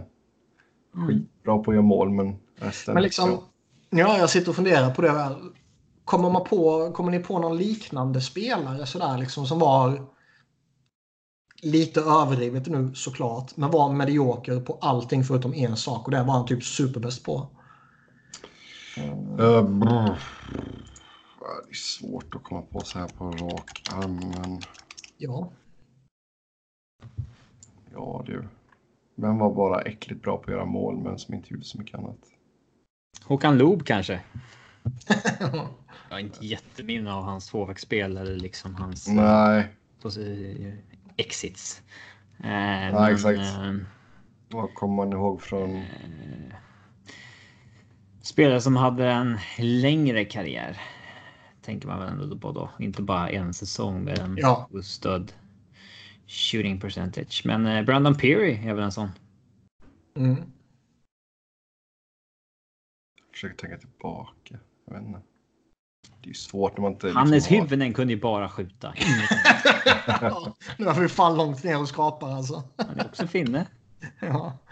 Fan vad sky man var för honom när det var liksom elitserieslutspel eh, och Djurgården mötte Färjestad så här. Han bombade så in i helvete. Det, han kom in i slutspelet för Färjestad. Eh, 2000, han kom ju 2003 och gjorde 11 mål på 10 matcher, noll assist. Det är ändå en bra statistikrad. Ja. ja. Verkligen eh, bra skytt. Mm. Ja, Eh, fyra, där hittar vi Dallas. Eh, Ja, ja, ska de jag också. säga som Winnipeg också att liksom. Man börjar bli lite, lite sådär skeptisk till deras ledning känner jag. Ja, Tycker att Kevin Cheveldayoc har liksom, han har länge gett intryck av att vara en duktig GM. Eh, det är han väl ändå. och det känns ändå som att han är det och han kanske inte kan göra något annat denna sommaren. Han kanske försökte 71 000 saker och liksom, det funkade bara inte. Varför har man inte gått hårt för Jay Garner liksom? Ja, alltså var, varför gjorde man inte det? Man blev kraftigt försvagad över sommaren och man bara accepterat det. Får man bilden av i alla fall. Eh, Connor och Line står fortfarande utan kontrakt och relationen med Line verkar inte vara den bästa. Eh, man borde inte befinna sig i det här läget liksom. Och Brian. Little-kontraktet har vi pratat om tidigare. Det, det, är ju, det är ju vad det är. Liksom. Men om man får en pissstart nu ska man liksom pull the plug på Paul Maurice som har varit deras coach sedan 2013. Ja, Det är, det är egentligen kanske inte hans fel. nej. Man eller eller så liksom han som håller tillbaka den. Men om man går in i säsongen med liksom utan två av sina backar för att man inte ersatt dem och liksom inte har typ Connor alternativt Line på plats. Jag, jag, jag menar tidigare säsonger. Ja, ja absolut kanske. Men, Men, eh, om, säsongs- om det går illa nu då är det kanske Shell Dayoff som ska hängas och inte... Jo, Men han, kom, Maurice. han, kom- han kommer ju, om, om han får vibbar av att han är på väg bort så kommer han ju sparka coachen innan han försvinner. Ja. Eller ta med honom i fallet i alla fall. Och sparka Ja, det GM så är det ju nästan alltid så att man sparkar coachen också. Och det är väldigt sällan en GM får kicken under säsongen. Eh, Oh ja, bara Peter Shirelli. Mm. Mitt under match. Men nu har det ju hänt nyligen här med han och, och Hextall till exempel. Men eh, det är ju inte jättevanligt. Nej, det är det när, en G, när en GM försvinner så brukar ju coachen försvinna också. Och det, ja. Och som sagt, vi brukar säga att sådana grejer ska man sköta i början av sommaren. mm. Men jag är lite, eh, man kan se Jets eh, hamna lite överallt också. Ja. Det kan man ju säga om alla lagen i den här jävla divisionen givetvis. Men äh, de är svåra alltså. Fan, de är svåra. De har Men som sagt, jävla toppspelare. Och de har några duktiga typ grinders och så här också. Adam Lauer och Andrew Kopp. Och liksom det är, de är ju jättehypade i en fjärde kedja liksom. Och de är duktiga på det också tycker jag. Ehm, ja, fast nu, alltså, nu, nu där måste ju Che- Cheval Dayoff eh, lösa detta också med Line och Connor. Du kan inte, du kan inte kliva in i säsong med båda de osignade. nej, tänk om man gör det. Alltså, Ja, då, det är ju så jäkla underkänt. Ska han få sparken på studs då liksom? Kanske. Nu har jag ingen, eh, jag har fan ingen bild sådär av Jets ägare. Ehm, det känns som att det har inte hänt något i Winnipeg på jättelänge. Liksom. Maurice och Cheveldayak har väl varit där hela tiden. Det är svårt att läsa av dem. Ja. Yes, yes, yes. Ja, då går vi till Dallas då som tippade fyra. Där har man satsat på lite äldre spelare. Eh, Man plockar in Joe Pavelski, Corey Perry. Och sen har man även gått efter Andrei Sekera. Och för typ sju år sedan skulle det här varit fantastiskt. Ja. Jo, alltså Pavelski 35, Corey Perry 34, Sekera 33. Alltså ju, Alltså alla tre kan ju funka jättebra. ja, alltså det är ju low risk på Sekera och Perry som kommer in på Jag ett tycker, det är, jag tycker det är low risk på, på alla tre egentligen. Eh, jag skulle bli mycket förvånad om Pavelski klappar igenom. Nej, han bör vara värd sina sju mille. En Jag tror, fall. Ja, definitivt en och två säsonger. Kanske den tredje säsongen är lite skakig sådär. Men eh, jag, jag, tycker man, man borde få ut bra grejer där liksom. Mm. Ja. Eh, Säkra gäller ju att hålla sig frisk liksom. Det har varit stora skadeproblem där. Ja, det har ju varit hans problem mot slutet. In, innan, alltså tidigare i sin karriär var han ju ändå hygglig. Mm. Bra till Ja, och mm. nu kanske förfallet har blivit så kraftigt och kroppen har blivit så nedbruten att han inte har någon möjlighet att komma tillbaka. Men... Eh, ja. Det är inga problem med Ben Bishop. Backsidan ser väl okej okay ut. Jag tycker inte jag tycker inte Esa Lindell är liksom någon superstjärna, men har John Klingberg och Miro Heiskanen, det är ju jätte... Han funkar ju. Ja, det gör ju Oleksiak också. Liksom, och ja. Säckare nej, alltså, he, alltså Heiskanen och Klingberg är ju svinbra båda två. Ja, och Honken. Mm. Ja, ja, jag väntar fortfarande på Honken här nu. Lös det är fortfarande inget kontrakt på plats. Nej, det är dåligt. Tänk att gå in i säsongen utan han signade. Vilken skandal. Då är det bara att avgå på en gång. Mm. Faktiskt. Men eh, forwardsidan i fjol så tappade man ju. Alltså man hade ju inte djupet i fjol. Nej. Eh, först och främst, kommer Martin Hansson spela i år eller? Tveksamt va? Det verkar inte så. Det verkar inte så. Vad jag har förstått. Det är väl dock dåligt med rapportering kring det. Ja. ja. Uh, det är väl inget man räknar med i alla fall, så kan man väl säga. Rupe Hintz kom ju som en liten raket i slutspelet framför allt. Men är han liksom en, en genuin andra center? Mm. Det, det, är ju lite, alltså första kedjan om de fortsätter spela Ben, Sagwin och Radulov, de kommer göra sitt givetvis. Men man, kan, ben. man kanske ska vara lite, ja exakt, man kanske ska vara lite osäker över Jamie Benn. Kanske inte i år, men fan det börjar Nej, se lite... Man kanske börjar se att han börjar dippa av lite. Han gjorde 53 poäng i fjol. Mm. Vi ska, dock inte, vi ska dock inte glömma den här jävla fadäsen som var i Dallas där deras eh, CEO eller vad fan han var gick ut och bara toksågade han och... och Fick rätt. Jo, jo, men, men liksom ja. det, det, kan ju... Det kan påverka det också. Det kan påverka liksom. Um, men den kommande säsong borde ju den vara liksom slagkraftig.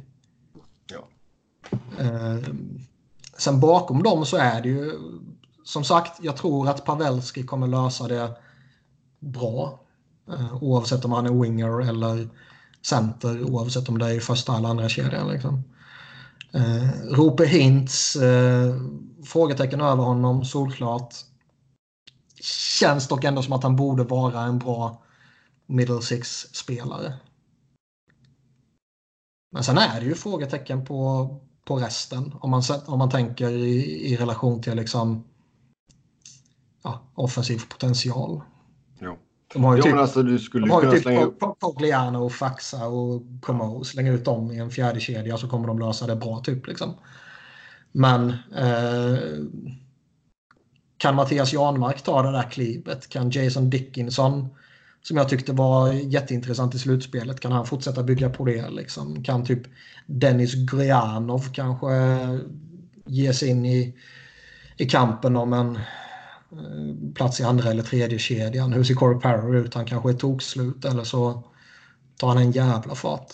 Mm. Ja, men det känns väl som att alltså, säg att du håller Sagan, Ben och Radulov ihop. Så får du ju ändå prova att köra Pavelski och, och Perry ihop. Jag vet inte alltså. Och så kanske Råpe in där också då.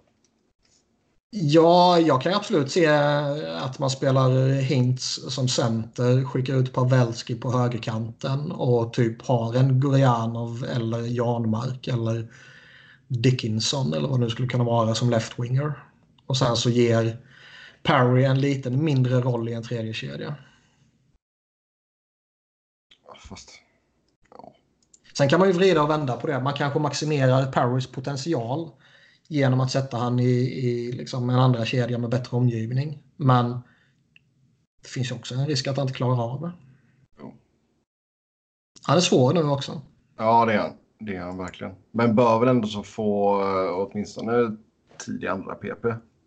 Även om han skulle bli nedpetad i en tredje kedja så bör han ju slotta in i ja, andra PP-uppställningen. Mm. Uh, Så där kanske han kan få lite gratispoäng också. Men visst, nej, det är, men jag, jag menar, det är också ett lag som de får köra på nu liksom. Sen ja, Dallas är ju lite intressanta så, för de har ju liksom genom åren här har de re reloadat lite med lite nya spelare och, och, testat liksom. De har ju gått för det är väl kanske lite starkt, men de har liksom försökt lite ändå och typ de var ju finalister vad det verkar som på Tavares och de gick ju efter Erik Karlsson hårt liksom. Mm. Eh, ändå har de, vad är det, tre slutspel på de senaste typ tio åren eller något sånt där.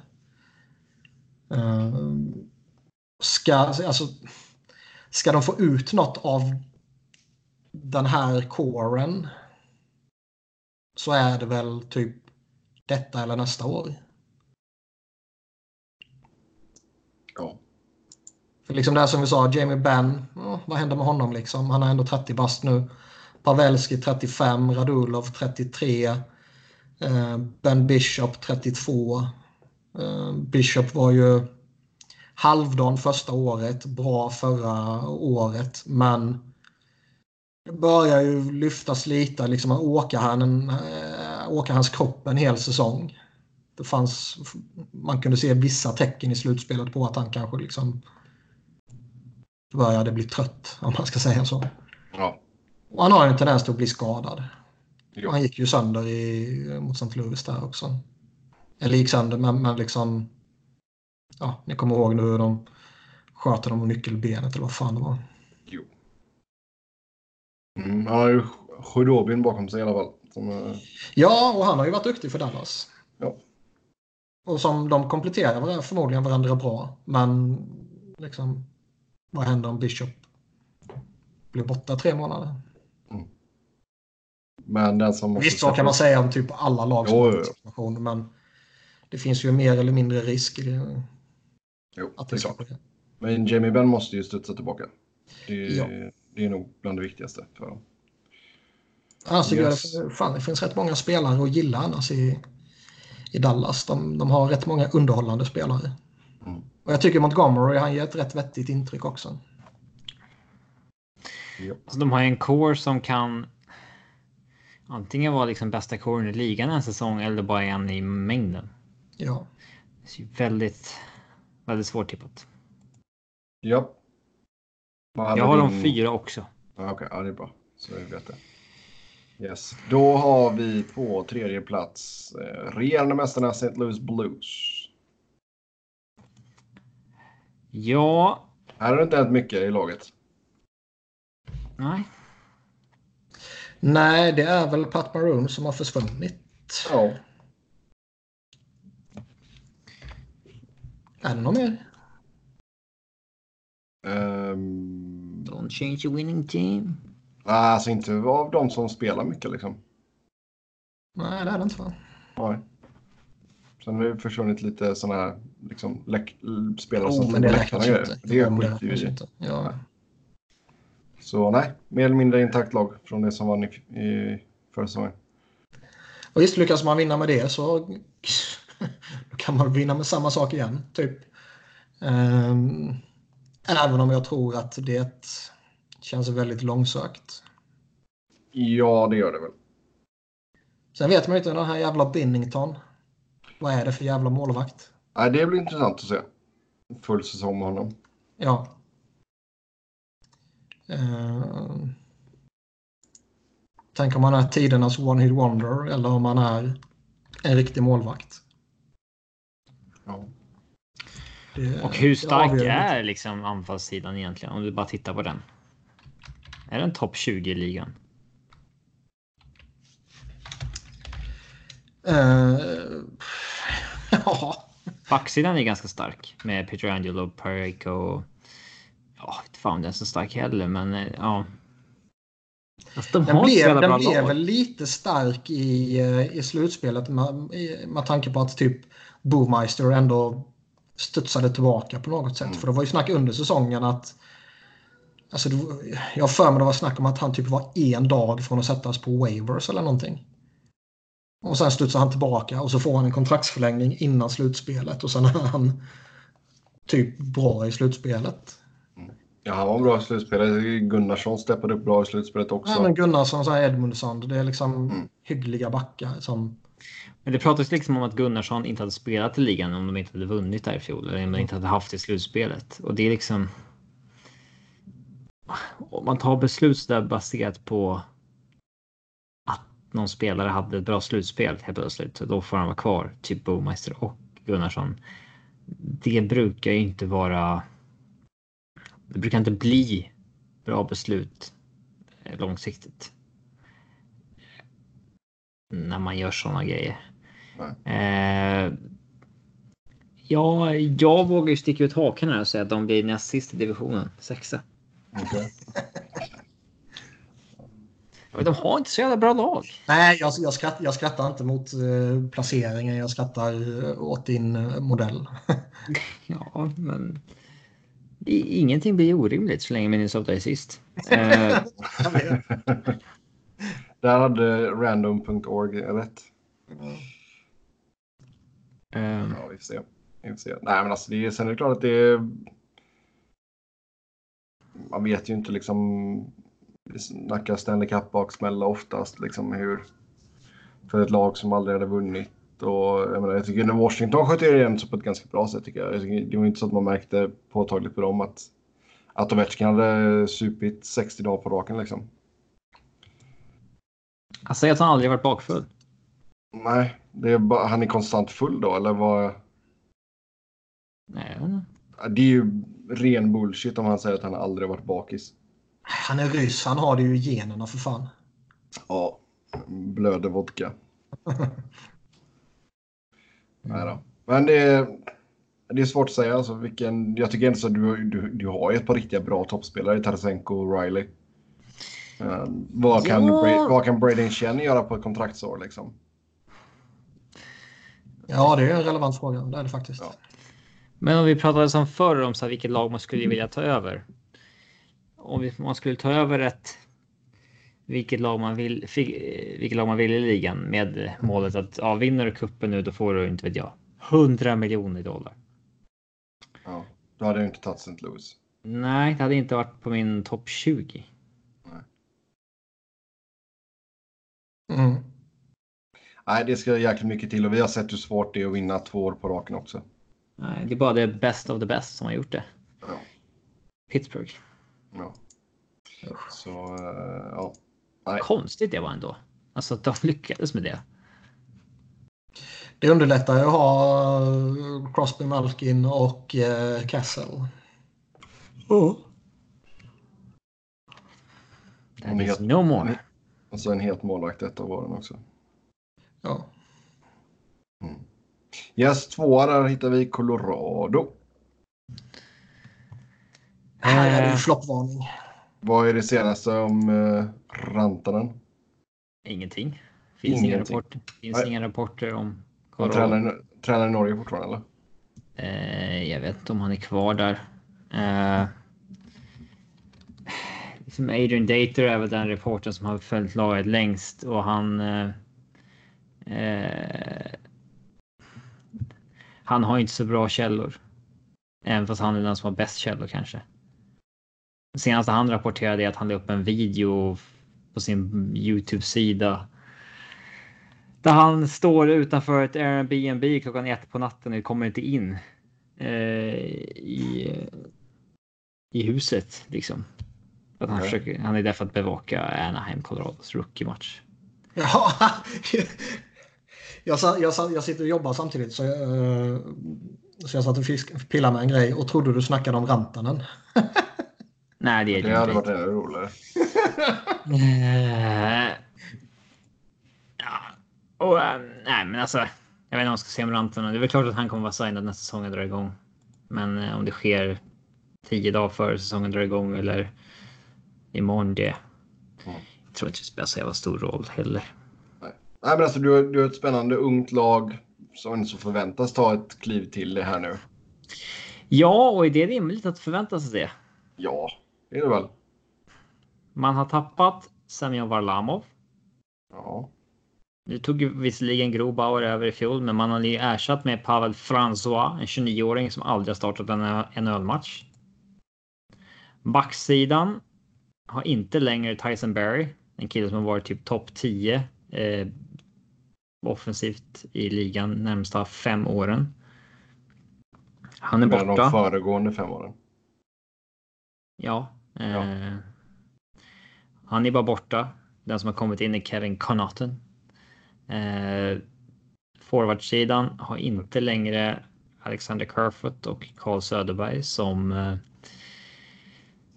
Alltså det, är, det är ändå rätt många. Det är mycket poäng man har tappat. Ja. Uh, uppgraderar i alla fall med Kadri. Om man bara tänker på andra centerpositionen. Mm. Men det är liksom Tyson Berry 60 poäng, Söderberg 50 poäng, Kerfoot 40 poäng. Det är, det är en del man har tappat där. Men visst, det, kän, det känns mera... som att man, man, man, räknar ju med att yngre spelare tar kliv. Mm. Eller Absolut. i alla fall inte går tillbaka. För det, det, är ju en förutsättning att Sam Girard och Cale Makar fortsätter. Liksom. Mm. Om.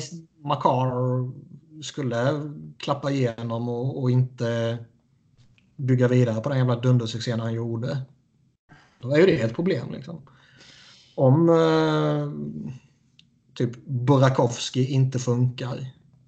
Då är ju det ett problem. Och om inte typ Tyson Jost, JT Comfort, sånt här. Om inte de funkar och kanske till och med tar steg, då, då kan det ju bli problem. Jag är inte så orolig för att liksom eh, Belmar ska vara en hygglig fjärde center. Jag är inte så orolig för att Donskoj ska vara en hygglig third line winger. Eh, jag är inte så orolig för att Kadri ska vara en bra andra center, men eh, man har ändå lagt en del ägg i korgen att liksom Burakovsky ska ta ett kliv, att Tyson Joe ska ta ett kliv, att JT Comfort ska ta ett kliv. Eh, och att Cale McCarr ska liksom, ja inte vet jag, gå in och vara en etta i princip på backsidan. Eh, mm det, och att Grobauer ska bli en första målvakt. Alltså han har inte gjort det förut. Eh, Nej, det är ju faktiskt en jävla chansning. Alltså nog för att jag kan Man har ju sett att... det förr, men det kan ju sabba en hel säsong liksom. Ja, nog för att jag kan tycka att det är, det är ett rätt beslut att kanske inte skriva long term med Varlamov. Men samtidigt är det en jävla chansning att gå in med det här målvaktsparet. Där den ena har... Aldrig varit etta och den andra har aldrig startat en match. Ja. Eh, så, så är man, Det är lite av det liksom hipstervalet nu. Men man hade ju kunnat missat slutspelet helt i fjol med liksom bara någon poäng mindre. Eh, men eh, folk skärmades väl lite av slutspelet. Mm. Eh, ja, rätt naturligt så. Men det är rätt mycket som kan gå fel också. Alltså det är ganska mycket som måste gå rätt för att det ändå ska bli bra om man säger så. Mm. Eh, ett ungt lag. Det är bara Belmar och Eric Johnson i princip som är över 30 som kommer att vara i starting lineup. Eh, så att eh, visst, det kan bli, alltså det kan bli ett undersuccé. Att man liksom visar att det här är en gyllene generation på uppgång och liksom vi vet inte ens om Bowen Byron kommer spela också. Nej, jag tänkte säga det. Jag läste att han hade fått jättemycket beröm typ under de här informella... Liksom. Ja, inför kampen. Liksom. Det kanske inte säger ett skit. Eller så är det en indikation på att ja, han kanske kommer testas de här nio matcherna. Liksom. Han verkar vara jävligt bestämd själv på att han ska spela i alla fall. Alltså han verkar det liksom. När han har intervjuats och sådär och fråga, fått frågan om att gå tillbaka till juniorligan så har det varit ganska så här. Eh, men det har känts på honom som att han liksom tänker att amen, det fattar han verkligen inte kommer göra. Liksom. Mm. Eh, Men ja, det ska bli en jättespännande säsong, men man får inte liksom bara förvänta sig att man helt plötsligt är liksom ett garanterat slutspelslag där man har tagit villkortet två år i rad och liksom nu har gjort sig av med närmare 150 poäng från line-upen. och ena, och ena målvakts, en av målvaktsduon. Ja. Du säger också att Eric Johnson och Ian Cole går ju in med skadeproblem. Nu mm. verkar det som, vad jag förstår i alla fall, att Johnson förväntas vara redo till... Um... Opening night, ja. ja. Men Ian Cole. Ja, dubbel höftoperation. Båda höfterna han opererat och eh, ja, snackas ju typ november, december. Han är inte så jävla bra ändå, men eh, det är rätt ung backsida utan honom. Eh, och Nikita Sadorov har ju varit notorisk slow starter. Han har ju Mm. inlett säsongen väldigt svagt eh, och sen sett bra ut på slutet. Men man, man ger ju försvarsbesättningen till Cale Makar och Sam Gerard. Och jag tycker inte att man kan inte bara, alltså man kan inte bara förvänta sig att Cale Makar ska gå in och liksom första säsongen göra vad Tyson Berry har gjort fem år i rad, bara sådär. Jag tror att det är många som alltså, Man blir väl lite underskattar. förblindad på vad han gjorde i slutspelet också. Ja, visst han gjorde sex Det poäng på tio matcher, men eh, han har Heisenberg Tyson är sjukt bra på att göra poäng. Att liksom få igenom skott från blå, att skjuta direktskott. De där grejerna. Eh, riktigt så eh, var det inte med Cale McCarr. Eh, han har mera styrkor i liksom speluppfattning och åker skridskor som en gud liksom. Och, eh, alltså han spelar ju som Erik Karlsson på ett sätt medan Sperry är mer en scorer. Eh, alltså, det, man, det är okej att ta. Jag tycker inte att det är många som säger att eh, Colorados fönster är de här fyra åren när McKinnon har billigt kontrakt. Och jag känner väl att det, måste inte vara så.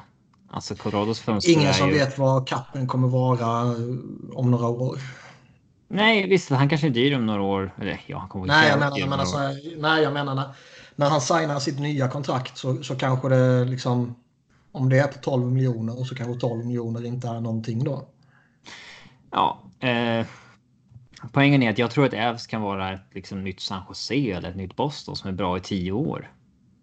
Eh, tills McKinnon liksom är 35.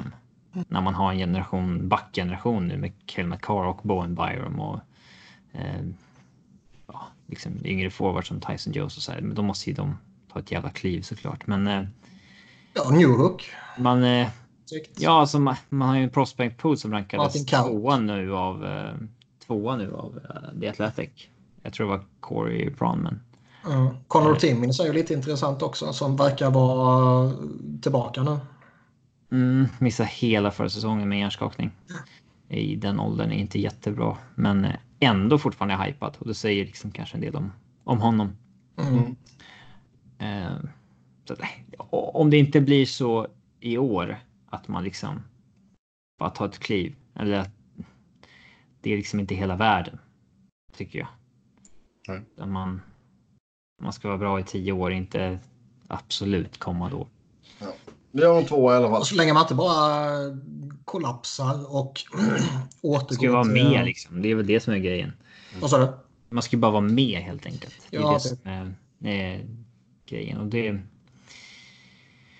Vi lär ju få se Kalle Rosén gå in av ordinarie också i och med backskadorna och att ja, Barry är borta. Kanske en underdelad, underskattad del av den traden. Mm. Min modell har en i etta. Mm. Ja. Men det tror jag inte riktigt på. Mm. ja, Landeskog eh, i alla fall. Han är taggad inför den här säsongen ser jag. Ser du? Ja, jag läser en artikel här. Men Ja, ja, det- vi får se. Vi får se. Etta där har vi Nashville. De är ju intressanta. Mm. Matt Duchene in, det var den stora getten för dem. Men Ja, är Dante Fabro redo att ta över för Subban? De är ju i ett intressant läge, Nashville, där det... Alltså efter finalen så hade de ju den här monstersäsongen i grundserien då. Men sen dess har de typ stapplat och blivit sämre och sämre. Signat Eh. dåliga kontrakt med Turris och Johansson. Ja, jag tycker det är starkt att kalla det dåligt Jo. på Johansson. Ja, och Ah. Det är ingen 8 miljoners center. Nej, men jag, jag tycker fortfarande lite, lite starkt att kalla det dåligt och klumpa ihop det med, med Turris sådär. Eh, däremot har vi pratat tidigare om att liksom ska han ha det anseendet då måste han börja göra poäng. Mm. Då måste han klättra upp och ligga runt. Han är ju en scorer. Det är inte så att han är, Ja. är någon så här uh, Ryan O'Reilly, Bergeron typ annars. Mm. Ja, men nu har du ju en etta, två, tre här. Duchene, Johansson, Turris. Alltså de är ju ett intressant läge nu Nashville för om man ska spinna vidare på det här att de har liksom börjat eh, ja, falla av är väl kanske ett starkt ord men det har börjat gå lite sämre. Så kan man ju ändå relatera till det jag brukar säga om Peter Laviolette när han har varit länge.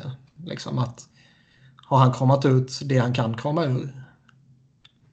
Så du tror Annars- lite, lite trevande inledning, Laviolette får kicken och sen så bara sätter det igång.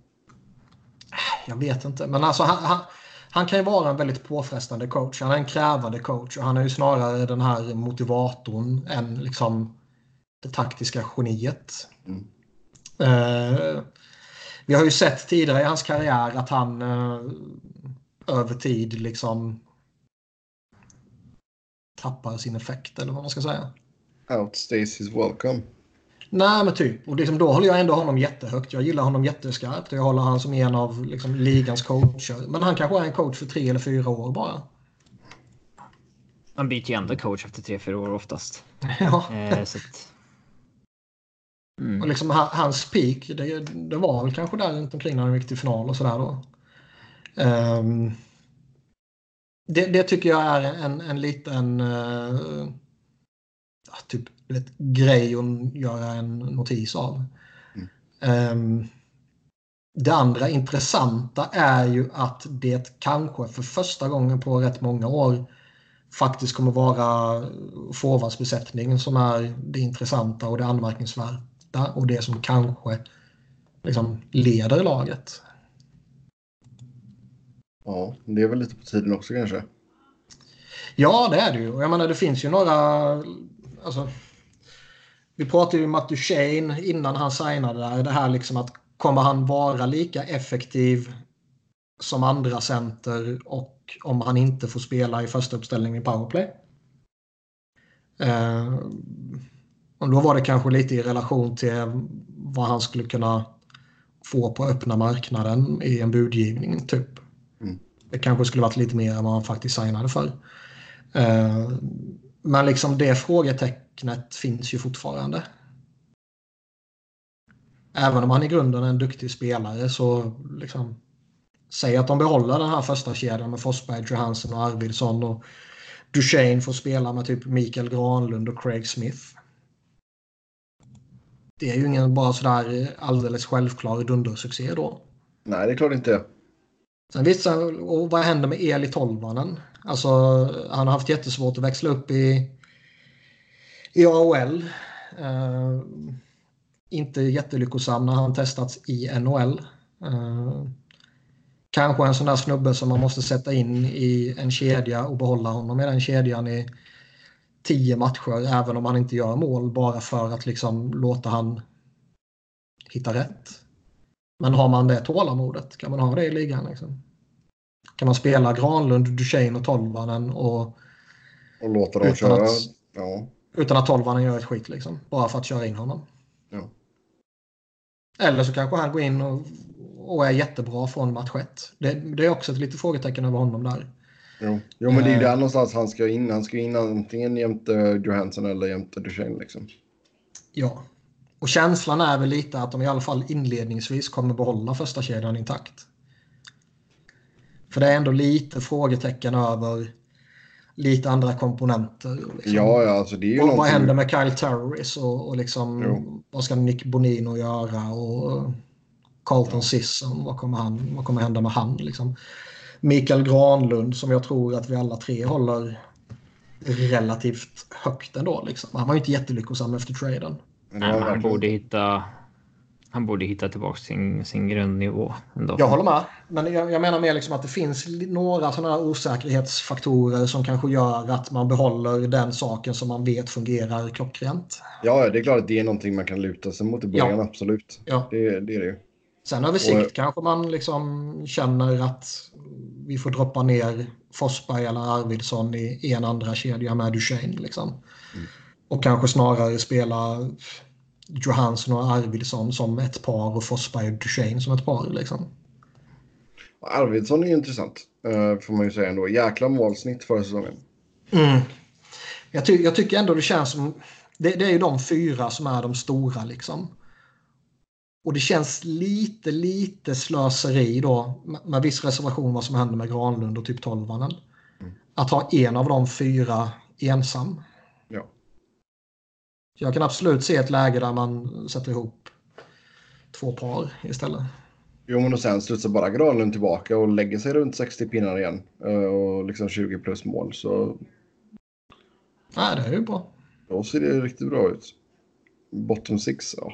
De gör, de gör det de behöver göra kanske. Det, men det finns, ju det finns ju några pålitliga spelare där. Du får ingen finns... jätteproduktion där. Nej, alltså Sissons, jag gillar honom. Eh, konstigt kontrakt, men jag gillar honom. Kalle Järnkrok är väl stabil. Kyle Turris och Nick Bonino borde vara okej okay, liksom. Och, uh, Watson är ju ett jävla rövhål verkar det som. Och, uh, men liksom en, en duglig spelare så det är klart klubben skyddar honom då. Mm. Rocco Grimaldo, är, eller Grimaldi är, uh, han är duglig också liksom. Så de har ju ett starkt lagbygge.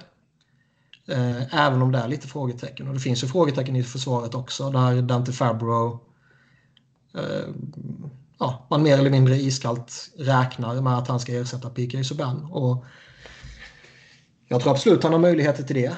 Men ehm... Ja, alltså det är fortfarande en stor, uh, stor ass ska göra det. Liksom han kommer in första ja, Man sätter en jävla press på honom. Liksom man, man skeppar ut PK Subban som nog för att han kanske, hans prime kanske är bakom honom liksom. Uh, och det kanske är nu man skulle skeppa ut honom och så vidare och så vidare. Men man ger bort honom gratis. Mm. vilket är liksom, det är inte bra och det sätter ännu lite mer press på Fabro. Man skickar iväg honom gratis för att man vill skapa lite löneutrymme till eh, Duchene och för att man kanske behöver lite utrymme till kommande backförlängningar också. Ja. Så det är det. Jag tror på honom och liksom sätter in honom jämte Mattias Ekholm så får du ju en eh, Alltså det, det, känns ju en väldigt tacksam partner att sätta jämte en sån spelare. Oh ja lugn och trygg, fin tvåvägs eh, back liksom. Mm. Och sen har vi finska duon Pekka och Jusse. Ja, Pekka borde väl fortfarande duga, tycker man. Där vill man gärna se Saros kanske växla upp lite till. Inte att han var dålig i fjol, men... Jag, jag, jag, kan ju se en situation där man Alltså, det, det, är fortfarande Pekarinne som är the guy. Liksom. Men, men, jag kan ju se en, en, situation där man kanske snarare rör sig mot en ännu mer tydlig 1A, 1B-upplägg. Mm. Borde inte han vara due för en liten svag säsong snart? Han har bra tre år i rad. Men börjar komma upp i åren. Mm. Mm. Saros borde ju, som Sebbe var inne på, han borde ju snart ta ett kliv också kan man tycka. Mm. Men det är en större garanti att Pekarin en dag kommer bli dålig än att Saros en dag kommer bli bra. Så är det. Ja. Yes, det var Central. Vart uh, satte random.org uh, Nashville? Trea. Trea, så det är Också rimligt. Ja. Läs upp hela din lista igen. Jag, jag kommer inte ihåg. Colorado etta. Chicago tvåa. Nashville trea. Dallas 4, Winnipeg 5, St. Louis 6 och Minnesota 7. Mm. Här har ni facit. redaktionen hade ju som sagt då Nashville 1, Colorado 2, St. Louis 3, Dallas 4, Winnipeg 5, Chicago 6 och Minnesota 7. Och gå in och läs våra eminenta texter på sajten också där vi nördar ner oss lagen. Ja. Då tar vi och hoppar över till lyssnarfrågorna. Som vanligt stort tack till er som har skrivit in. Först ut. In, innan vi tar det. Jaha. Mycket, Ja, mycket det, sånt här idag. ja. Ehm, Svårt för att Sebbe är det, märks att det, det mär, märks att det är försäsong här. Ja. ehm, det sägs ju att det är Matthews som ska bli ny kapten i Toronto. Men att Toronto inte kommer annonsa någonting så länge man inte har Mitch Marners kontrakt på plats. För att det inte ska bli tjurigt. Typ. Såg ni vad Elliot Friedman skrev i sina 30 thoughts? Jag läste det, men jag vet inte vad du syftar på. Och jag kan förmodligen ha glömt bort det också. Det var ändå två timmar sedan jag läste det.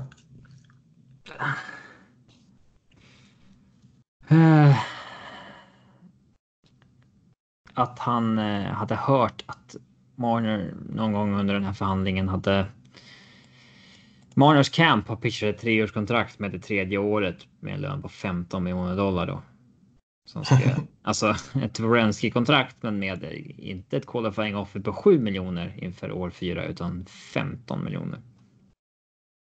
Den vågar man ju inte signa. Timo Meyer fick 10 mot slutet va? Ja. Men 15? Ja, 15, nej det är Då saftigt. lovar du ju att han ska vara näst bäst i världen om tre år efter McDavid. Och det är ju, då är det ju en förutsättning att taket faktiskt fortsätter att stiga rätt rejält Rätt också. saftigt. Ja. Vilket alltså... Det finns ju tecken på att det kommer göra det. Ja, men Men- det finns få tecken på att någon annan kommer att ha mer än 15 miljoner då. Mm. Mm. Än, alltså det, det kommer ingen ha. Nej. Sen Ja, verkar det som att de, de ska vara redo att signa 11 miljoner capita. Men de skulle vara på ett sjuårskontrakt. Ja, det är inga problem. Nej. Men det blir intressant. Det vore skoj om det blir eh, infekterat där om det inte redan är. Det vore ju kul om de gick in i säsongen utan att ha på plats. Ja.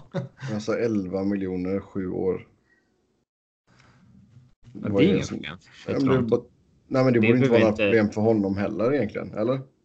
Men Dra inte det här äh, kortet nu att det är klart han kan leva på det och så vidare. Det kan väl både han och tre generationer till leva på. Ja, men han kan ju få mer. Vill han inte göra något dumt. Alltså, jag hade inte klarat av att vara GM. Alltså, alltså, jag hade det- varit jätteduktig på det, men.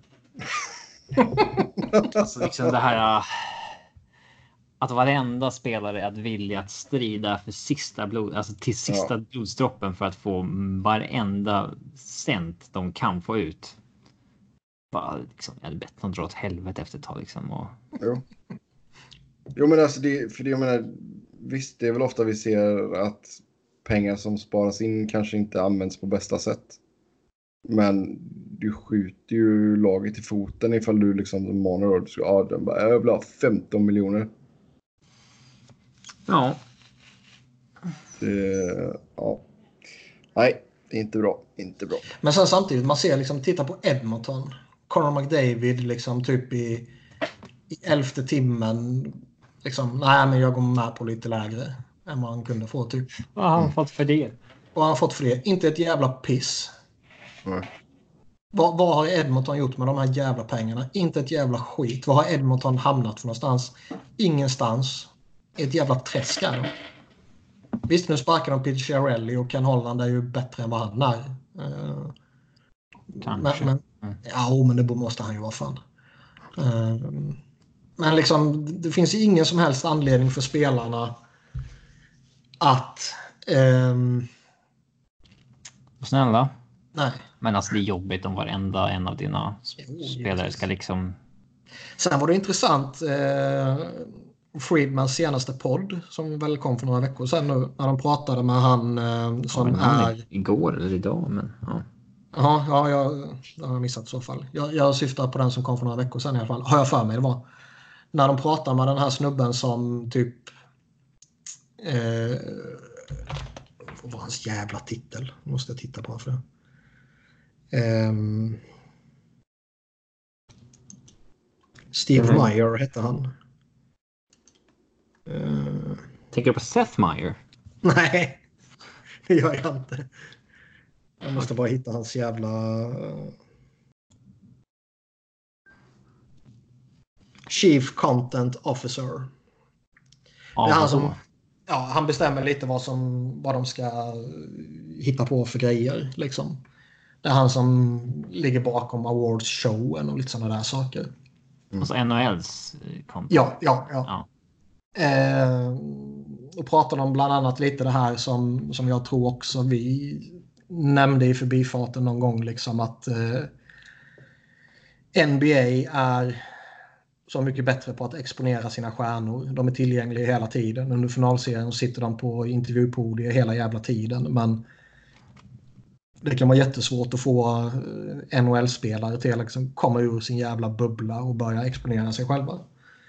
Um, men, och så pratar man hela tiden om att man måste grow the game. Liksom. Men då får ni bjuda till ni också. Liksom. Mm. Yes, sen är, sen är liksom, det, det, är ju en jävla komarknad och, och, det är ju liksom ligan och ägarna som utnyttjar spelarna. Jag har, jag har ju större förståelse för om, eh, om spelarna går ut i strejk än om liksom, ligan går in i en lockout så att säga.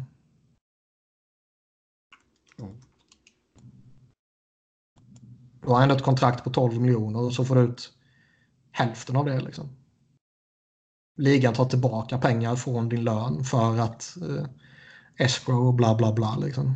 Ja, där måste man ju få till någon jävla cap alltså. Ja, så man, man förstår ju att eh,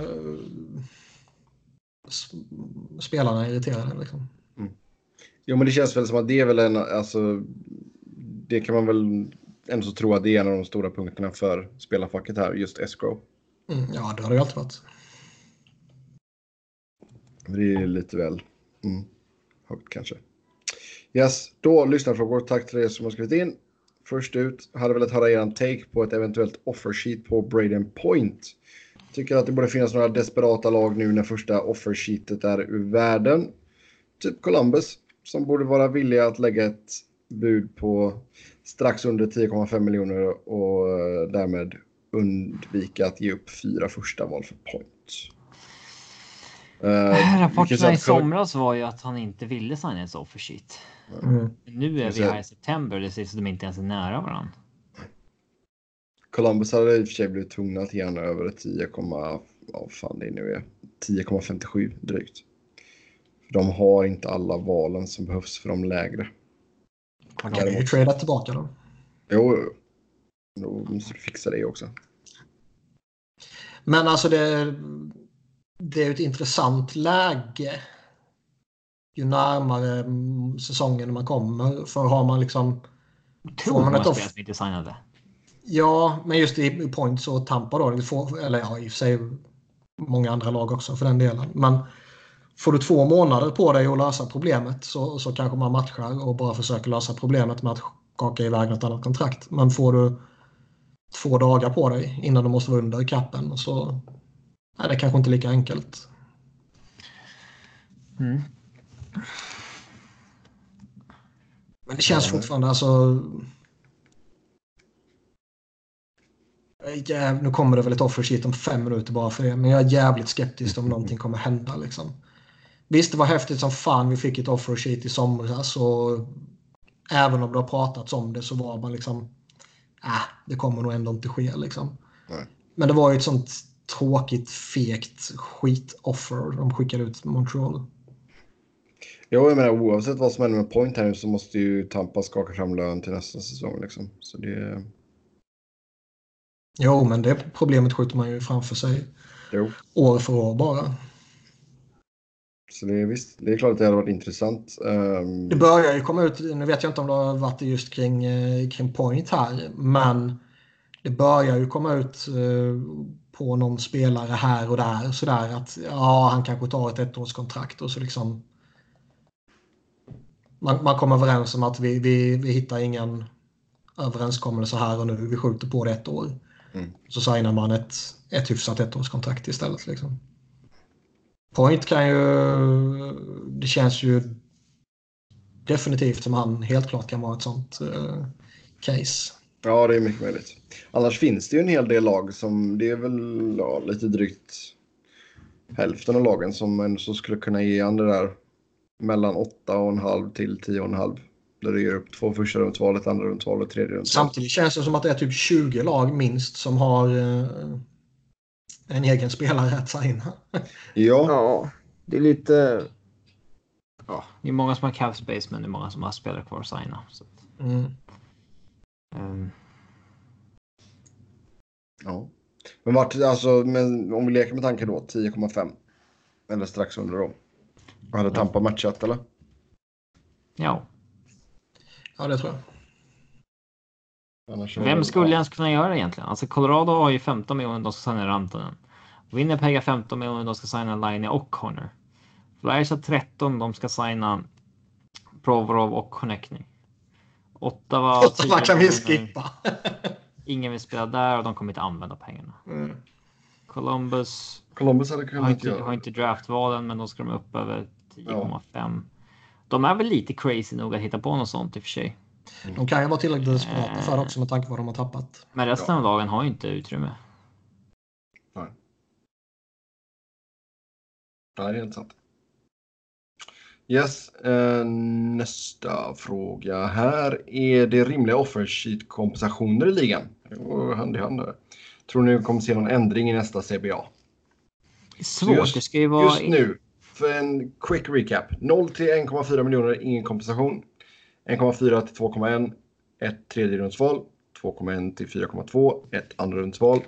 4,2 till 6,3, ett första och ett tredje. Sen 6,3 drygt eh, till 8,4.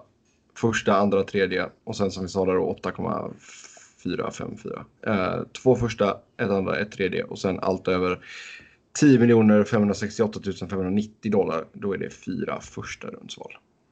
Ja, allt sånt här vi pratar om, om man vill ha en, eh, en större utläggning om det så gå in på Cap Friendly. Liksom, hur det Mm. funkar och Ja. sådär. Så hittar man allt där. Det är en utomordentligt fin sida.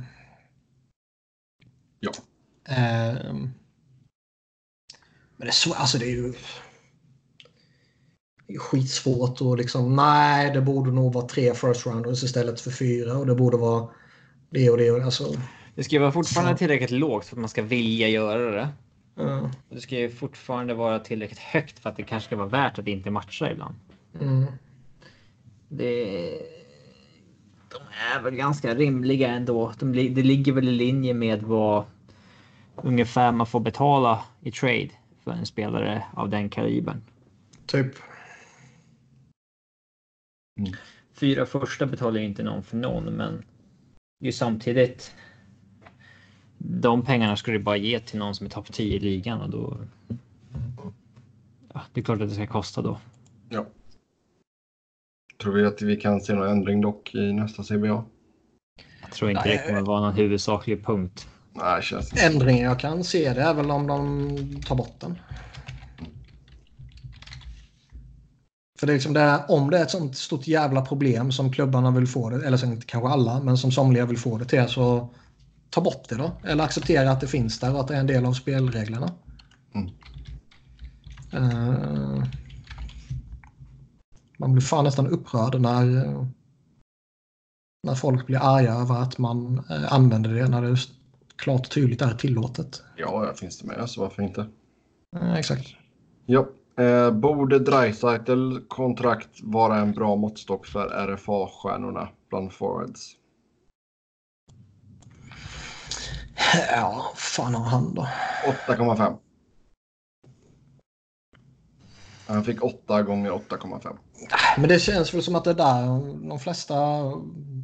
Eh, vad säger man? Önskemålen från spelarna ligger. 8, 9. Sen kommer man upp lite på Mish Marner som vill ha 15. Eller pappa Marner kanske. Där. Ja, kanske. Mm. Eh, nej, men det är väl en relevant jämförelse tycker jag. Någon, där någonstans. Eh, sen signades det för två år sedan.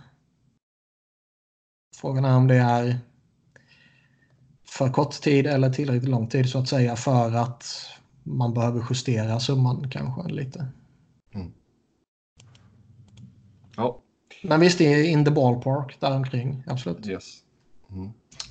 Eh, nästa här. Alla pratar om Buffalos backsida. Alla pratar inte om Buffalos backsida. Men, eh, och att Risto kommer skickas iväg. Här märker man att det är en Buffalo-sport som har skrivit in. Eh, att Ristolainen kommer skickas iväg. Hur skulle en sådan trade se ut och vad tror vi?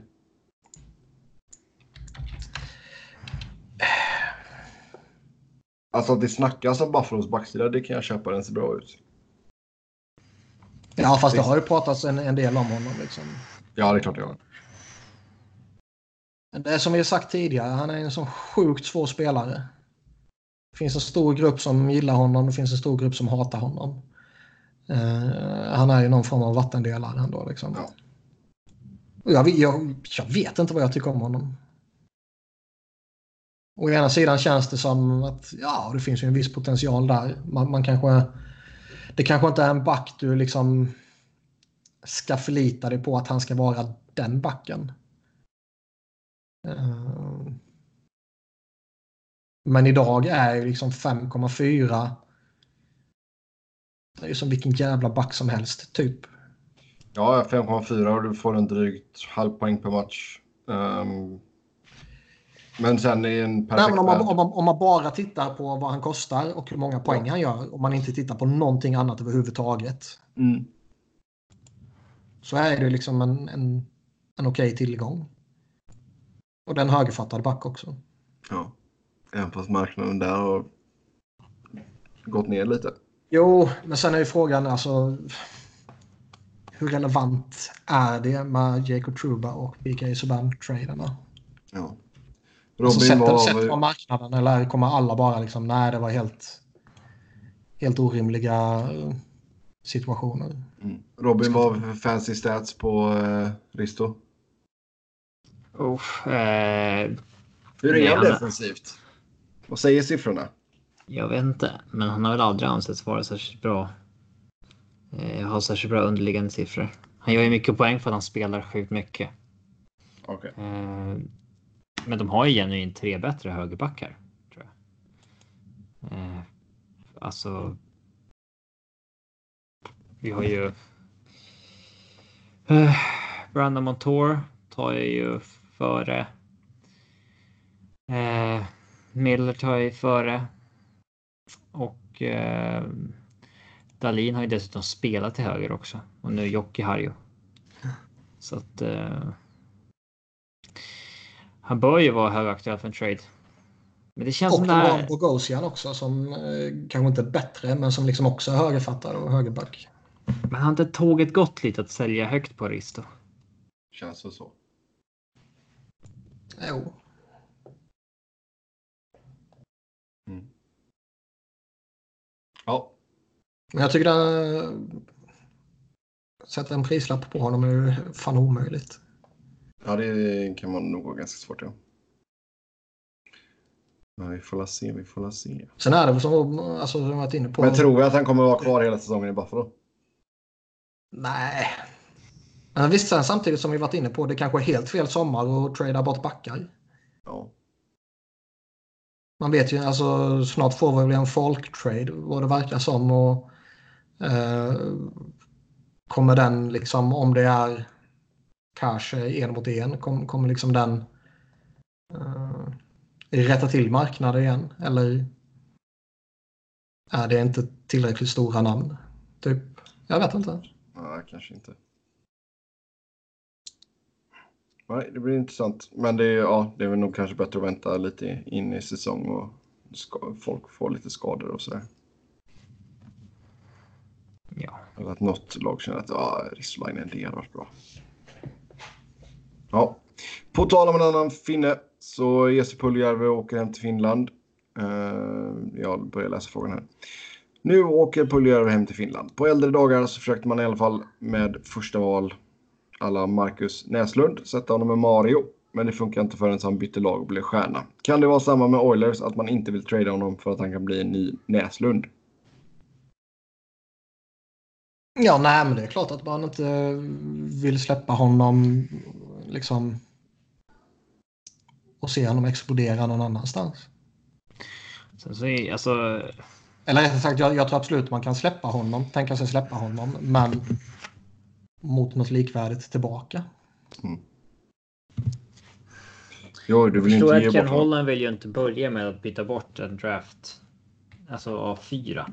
Eh, så att Nej. säga. Det, det, kan, det kan ju bara bli fel så att säga. Jo, ja.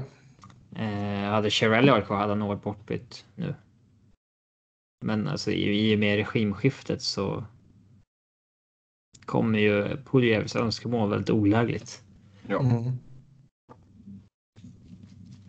nej, helt sant. Yes. Ja, sista frågan för idag. Vilka fem lag har störst sannolikhet att vinna Stanley Cup kommande tio år? Och vilket lag borde göra det men kommer att choka? Eh, kommande tio år? Flyers. Nej, På, på båda frågorna. Alltså tio år är så jäkla lång tid. jag sa ju nyss att jag tror att Colorado kommer vara riktigt bra tio år framöver. Det. De är väl ett absolut lag som bör nämnas. Eh, Ja, Flyers också givetvis.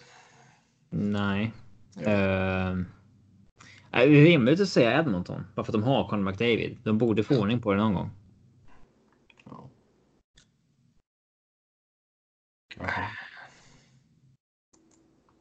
Men som sagt, tio år är är Winnipeg kan... Kanske. Jag vet inte. New Jersey och Man Rangers. säger Rangers, ja. Florida kanske. Jag vet inte. Toronto liksom. Tio, tio år är skitsvårt. Ja. Eh, Vegas. Ja. drar, drar man ner det till fem år så är det ju enklare, men då kanske det är för enkelt. Ja. Men en tioårsperiod, alltså fan, ett få- f- lag kommer ju hinna byta core helt och hållet. Jo, exakt. Och, Men vi eh, säger vi, Vegas kommer choka. Tampa kommer ju choka. De bör nog ta hem åtminstone en va? De bör ja.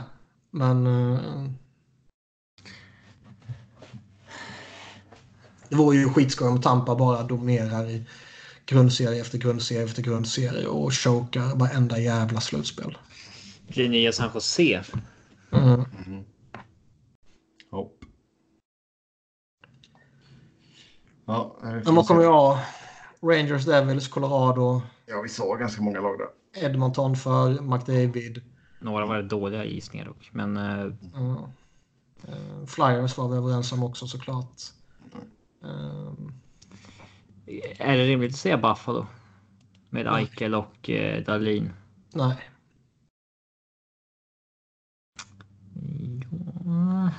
Jo, det är klart de kan ju. Men alltså, fan, man kan ju nämna liksom dussin lag. Ja.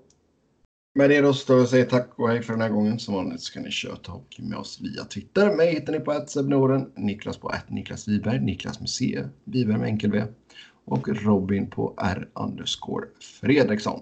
Tills nästa gång, ha det gött. Hej!